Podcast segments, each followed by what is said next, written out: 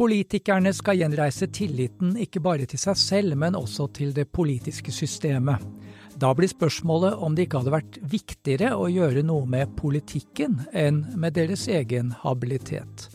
Velkommen til denne utgaven av Morgenbladets podkast om politikk og økonomi, der vi skal snakke om tvil og tillit. Jeg heter Aslak Bonde, og på den andre siden av bordet for meg sitter Maria Berg Reinertsen. Ja, tvil og tillit, det høres jo egentlig ut som et uh, litt ettertenksomt sånn jazzprogram på P2, tenker jeg. Men vi kan jo begynne da, med å gå enda mer inn i verdibørsen og, snakke om lengsel. For dette som eh, skjedde på Stortinget i går, det har du gleda deg til lenge? Ja, I ni måneder. Det er, eh, det er, jo slik at habilitetssakene som eh, kontrollkomiteen da sa seg ferdig med å undersøke denne uken, de kom jo i fjor sommer. Den første av dem kom i slutten av juni, og den siste av dem kom da Erna Solberg fortalte at hennes mann hadde handla veldig mye med aksjer uten at hun visste om det, og at hun derfor hadde vært inhabil som statsminister. Og kontrollkomiteen skulle egentlig bli ferdig med alt før jul, og så er det blitt utsatt og utsatt, for det har stadig kommet nye ø, opplysninger inn i saken. Noe som jo har gjort at vi journalistene, vi som går i Stortinget, vi har bygget opp forventningene, og denne onsdagen var ganske spesiell i vandrehallen i Stortinget, så det var litt sånn som budsjettdagene. Ja, budsjettdager, det er julaften. Ikke sant, det, det, er julaften. Da kommer det også veldig mange fra utenverden inn i vandrehallen, alle lobbyistene kommer inn. Denne gangen var det bare oss journalistene, alle rådgiverne, og et par minutter over klokken tolv så kom da kontrollkomiteens medlemmer ut av et eget rom hvor de hadde forberedt seg. Og, og det er altså, det hører jo til stillingsbeskrivelsen for politiske journalister at vi ikke skal være euforiske, men det var en litt euforisk stemning. Hva, hvor langt vil de gå, hva vil de si, ikke minst om Erna Solberg. Og så må vi vel kunne si at det ikke var veldig overraskende, fordi det ble fremmet sterk kritikk mot Erna Solberg, men det var egentlig ventet, fordi hun selv har sagt at det var en stor feil. Og så var det deling i kontrollkomiteen om eh, Tonje Brenna og andre Ap-statsråder om hvorvidt de bare skulle få kritikk, eller om de skulle få sterk kritikk. Og da eh, Høyre og opposisjonspartiene ville gi Tonje Brenna sterk kritikk, mens, eh, mens dagens regjeringspartier bare ville gå for kritikk. De ville nemlig skille veldig tydelig mellom Erna Solberg og de statsrådene som har godt av. Eh, og det, for å få skilt ordentlig, så introduserte de et, eh, et, nytt begrep, hypotetisk mistillit. Det har jeg skrevet om i papiravisen denne uken også, det er et helt pussig begrep. De skriver at uh, om Erna Solberg hadde vært statsminister i dag, så ville hun ha fått mistillit mot seg, og dette er det jo et flertall som skriver, slik at uh, Dagsrevyen på onsdag for eksempel konkluderte med at ja, men hun ville jo, det er så sterk kritikk at hun ville ha gått av. Men, men det er jo hypotetisk, og det er helt umulig hypotese, fordi uh, flertallet vil jo ikke ha uh, Erna Solberg, ikke sant. Hadde det vært flertall for Erna Solberg, så hadde det ikke vært flertall for den mistilliten. Ja, og det her eh, politikk liksom slutter å være et breddefenomen som inkluderer meg, altså. Eh, for ved det her begrepet hypotetisk eh, mistillit, som du skriver veldig, veldig godt om eh, i denne, denne, ukas avis, jeg må innrømme at jeg var også en av dem som hadde sett frem til, med ikke med eufori, da, så i hvert fall en god del spenning, hva kontrollkomiteen ville komme med, ikke sant, og for å minne oss om det, da, for nå har det vært veldig, veldig mange skandaler siste den, denne vinteren, ikke sant, av, av liksom varierende alvorlighetsgrad, men alle de her habilitetsskandalene, de er liksom viktige, for det er jo rett i flesket av av hvordan politikere skjøtter jobben sin, ikke sant. Det handler ikke om du, har, om du er et dårlig menneske som stjeler solbriller eller jukser på mastergraden din, det handler om om du når du sitter og har politisk ansvar og har politisk verd, hvor man kan være trygg på at du faktisk bare tar Altså at du tar hensyn til, til det felles beste, og at du ikke har egne liksom private skjulte interesser da, i form av vennskap eller aksjer som, som gjør at uh, som, som kan påvirke beslutningene dine, ikke sant, eller gjør at du kanskje tjener på, på de beslutningene på en måte som ikke er liksom synlig for, for offentligheten. Så, så, dette er jo kjempeviktig spørsmål, men liksom Ja, og, og dette ja. har jo Vi har snakket om dette ja. før da vi forberedte oss også, og du gledet deg jo veldig til denne innstillingen fra kontrollkomiteen skulle komme.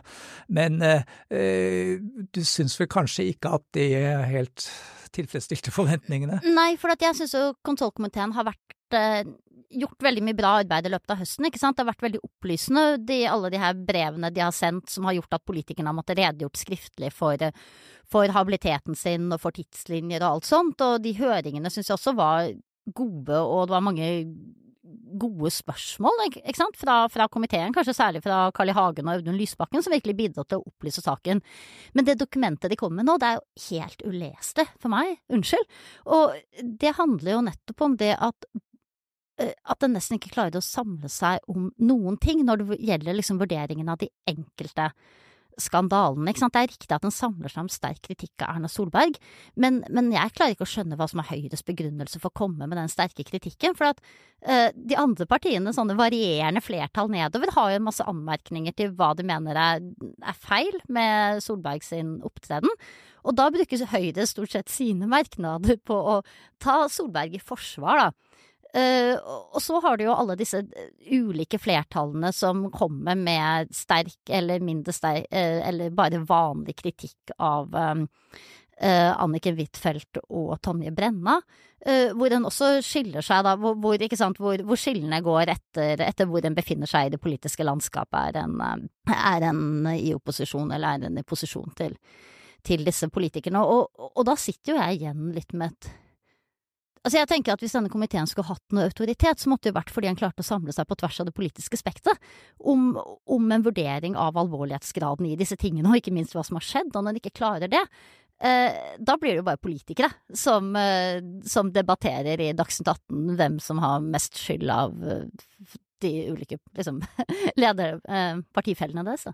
Og det er jo så interessant, fordi din lesning fra litt utside er helt annerledes enn min lesning fra innsiden.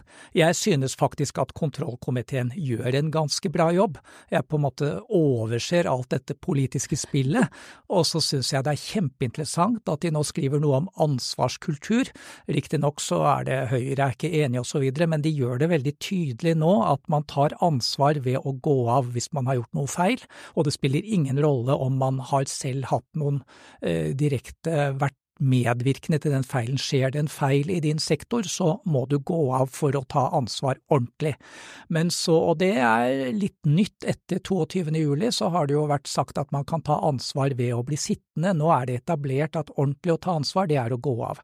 Og det er også etablert at, eh, at det ikke er et sånt absolutt ansvar, altså det kan være formildende hvis man prøver å belyse en sak, hvis man eh, lover bot og bedring og lager systemer for å få ting til ikke å gjenta seg, så kan det være formildende. Dette synes jeg er ganske eh, viktig, og det er en stort sett en felles komité som går inn for det, og i tillegg så ber de regjeringen om å lage noen felles regler for habilitet, og de eh, skal lage noen regler for aksjekjøp og sånn. Og dermed så syns jeg de kommer et stykke på vei, men som jeg også skriver, dette er for feinschmeckerne. Men så heldig at vi har feinschmeckere som deg, da, som leser den rapporten her i, i, i våken tilstand, liksom. Og, uh, jeg syns du skriver det bedre enn en kontrollkomiteen gjør, da. Det etableres nå en tydelig forståelse av at statsrådet aller best har ansvar for feil i egen sektor ved å gå av, men at det skal være mulig for statsråden å delvis bøte på, uh, på feilene. Uh, det er vel kanskje den setningen jeg jeg savner i, i, i innstillingen deres. Men det, det samtidig som jeg ble sittende og, og tenke litt på, da, den, den uka her hvor vi, hvor vi, diskuterte det vi har diskutert nå siden i høst, ikke sant, kan vi ha tillit til Erna Solberg? Det var jo det at at den tilliten vi snakker om her, og den tilliten som vi snakker om, ikke sant, vi snakker om vi skal gjenopprette tilliten etter habilitetsskandaler osv., det, det er liksom en litt annen form for tillit enn enn den, den, tilliten som vi snakker om når, når, når, vi snakker om at store grupper av velgere har mistet tilliten til politikere, ikke sant? For, for, parallelt med denne Feinschmecker-debatten uh, inne i Vandalen, ikke sant, så er det noen bevegelser i, i Norge, og ikke minst i, i Europa og, og, i USA, der store velgergrupper rett og slett liksom avviser eh, det de kaller mainstream politikere, ikke sant. Men da er det jo Da er det en annen Opplever at det handler om en annen type tillit, da, som, som handler mer om at man har mistet troa, ikke på at de er redelige personer, men at de er personer som, eh, som har løsninger på problemene deres.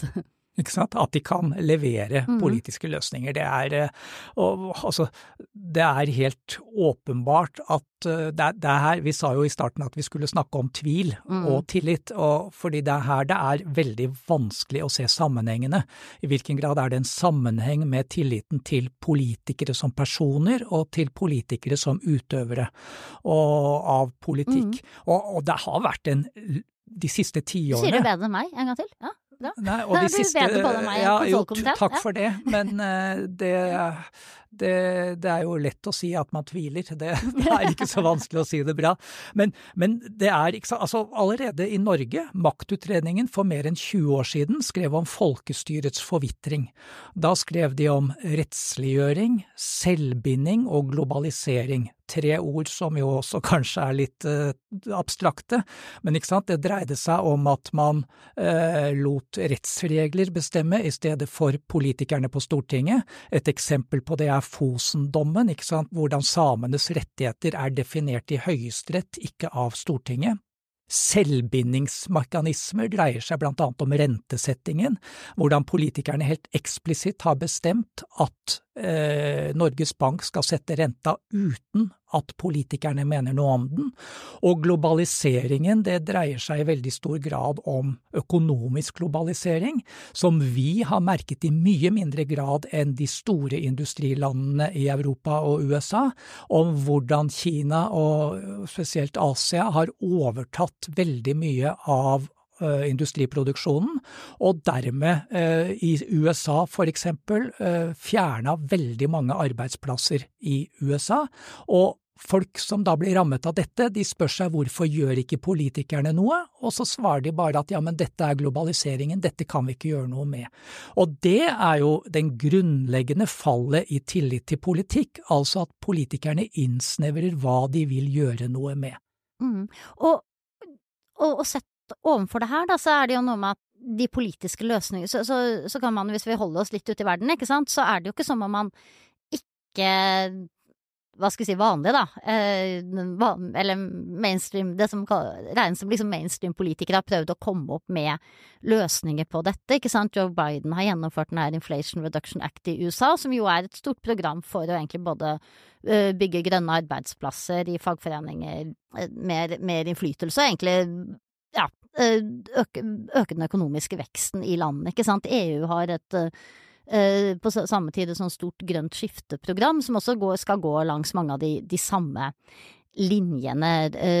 Tyskland har forsert utbyggingen av grønn energi for å komme til strømkrisen, ikke sant, og tatt mange, tatt flere grep der, men allikevel så er jo Joe Biden, da, ligger jo liksom rundt 39 prosent av, av, av, velgerne som sier at de har tillit til ham, og det er, det er lavt. Og det er ganske det er, det er mye lavere enn Obama lå, for eksempel. Uh, litt ut i, utover i sin presidentperiode. Ikke sant? Så det er ikke bare det at det er sånn generell polarisering. Han er, det er faktisk, eller hvis den har kommet der, så er den blitt verre, da. Uh, og, og, det er uh, til Europaparlamentet nå, altså valg, valget EU, så er det jo igjen en reell mulighet eller sjanse eller risiko, alt ettersom hva, for at de høyre, høyrepopulistiske partiene blir størst. Uh, blir den største gruppen, og i Tyskland så fyker jo det nasjonalpopulistiske partiet AFD opp og ned på meningsmålingene. Og, og, og, hjemme i Norge så sliter jo styringspartiet Arbeiderpartiet som, som, bare det, selv om inflasjonen er litt på vei ned og en har brukt masse penger på strømstøtte og det liksom ikke har vært de store sånn øh, økonomiske slagene mot norsk økonomi det, denne vinteren, ja. i hvert fall. Og i lys av det, så blir det spørsmål, er det Bruker politikernes tiden feil, da, når de bruker ni måneder på å lage denne utredningen av hvor en skal styrke reglene for habilitet etter skandaler som kanskje ikke betyr noe for store velgergrupper. det, eh, ja, det må vi snakke om. Men, ja. men, bare først så skal jeg ta det der med hvor jeg sa da at politikerne gjør mindre og mindre. Men noe av det spennende som du jo nevnte var det grønne skiftet. Og på en måte, og det ser du veldig tydelig i Europa, på en måte er problemet også at de gjør for mye. Ikke sant? Altså hvis du ser på traktordemonstrasjon, eh, brennende bildekk over det meste av EU eh, e nå, så er det delvis mot en landbrukspolitikk, felles europeisk landbrukspolitikk, hvor bønder og mange sympatisører av bøndene føler at altfor mye er outsourca til markedet, at politikerne egentlig ikke vil styre, men en, et annet element, en annen årsak til disse bondeprotestene, det er det grønne skiftet, hvor de da skal øke avgiftene grundig for å få ned nitrogenutslipp, og hvor de skal fjerne altså dieselsubsidier for traktor osv. En, en god del aktiv politikk for å få gjennomført det grønne skiftet. Så det er det som er så vanskelig. altså Her har jeg da sagt snakket om politikkens tilbaketrekning.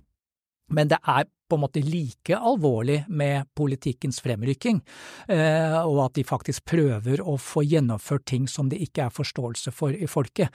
Og så var spørsmålet ditt egentlig om de bruker for mye tid, ni måneder, på mhm. habilitet, og, og, og der er jeg veldig i tvil, altså, fordi det er jo det er en sammenheng mellom tillit til politikere og tillit til politikk. Vi skal ikke underspille den sammenhengen.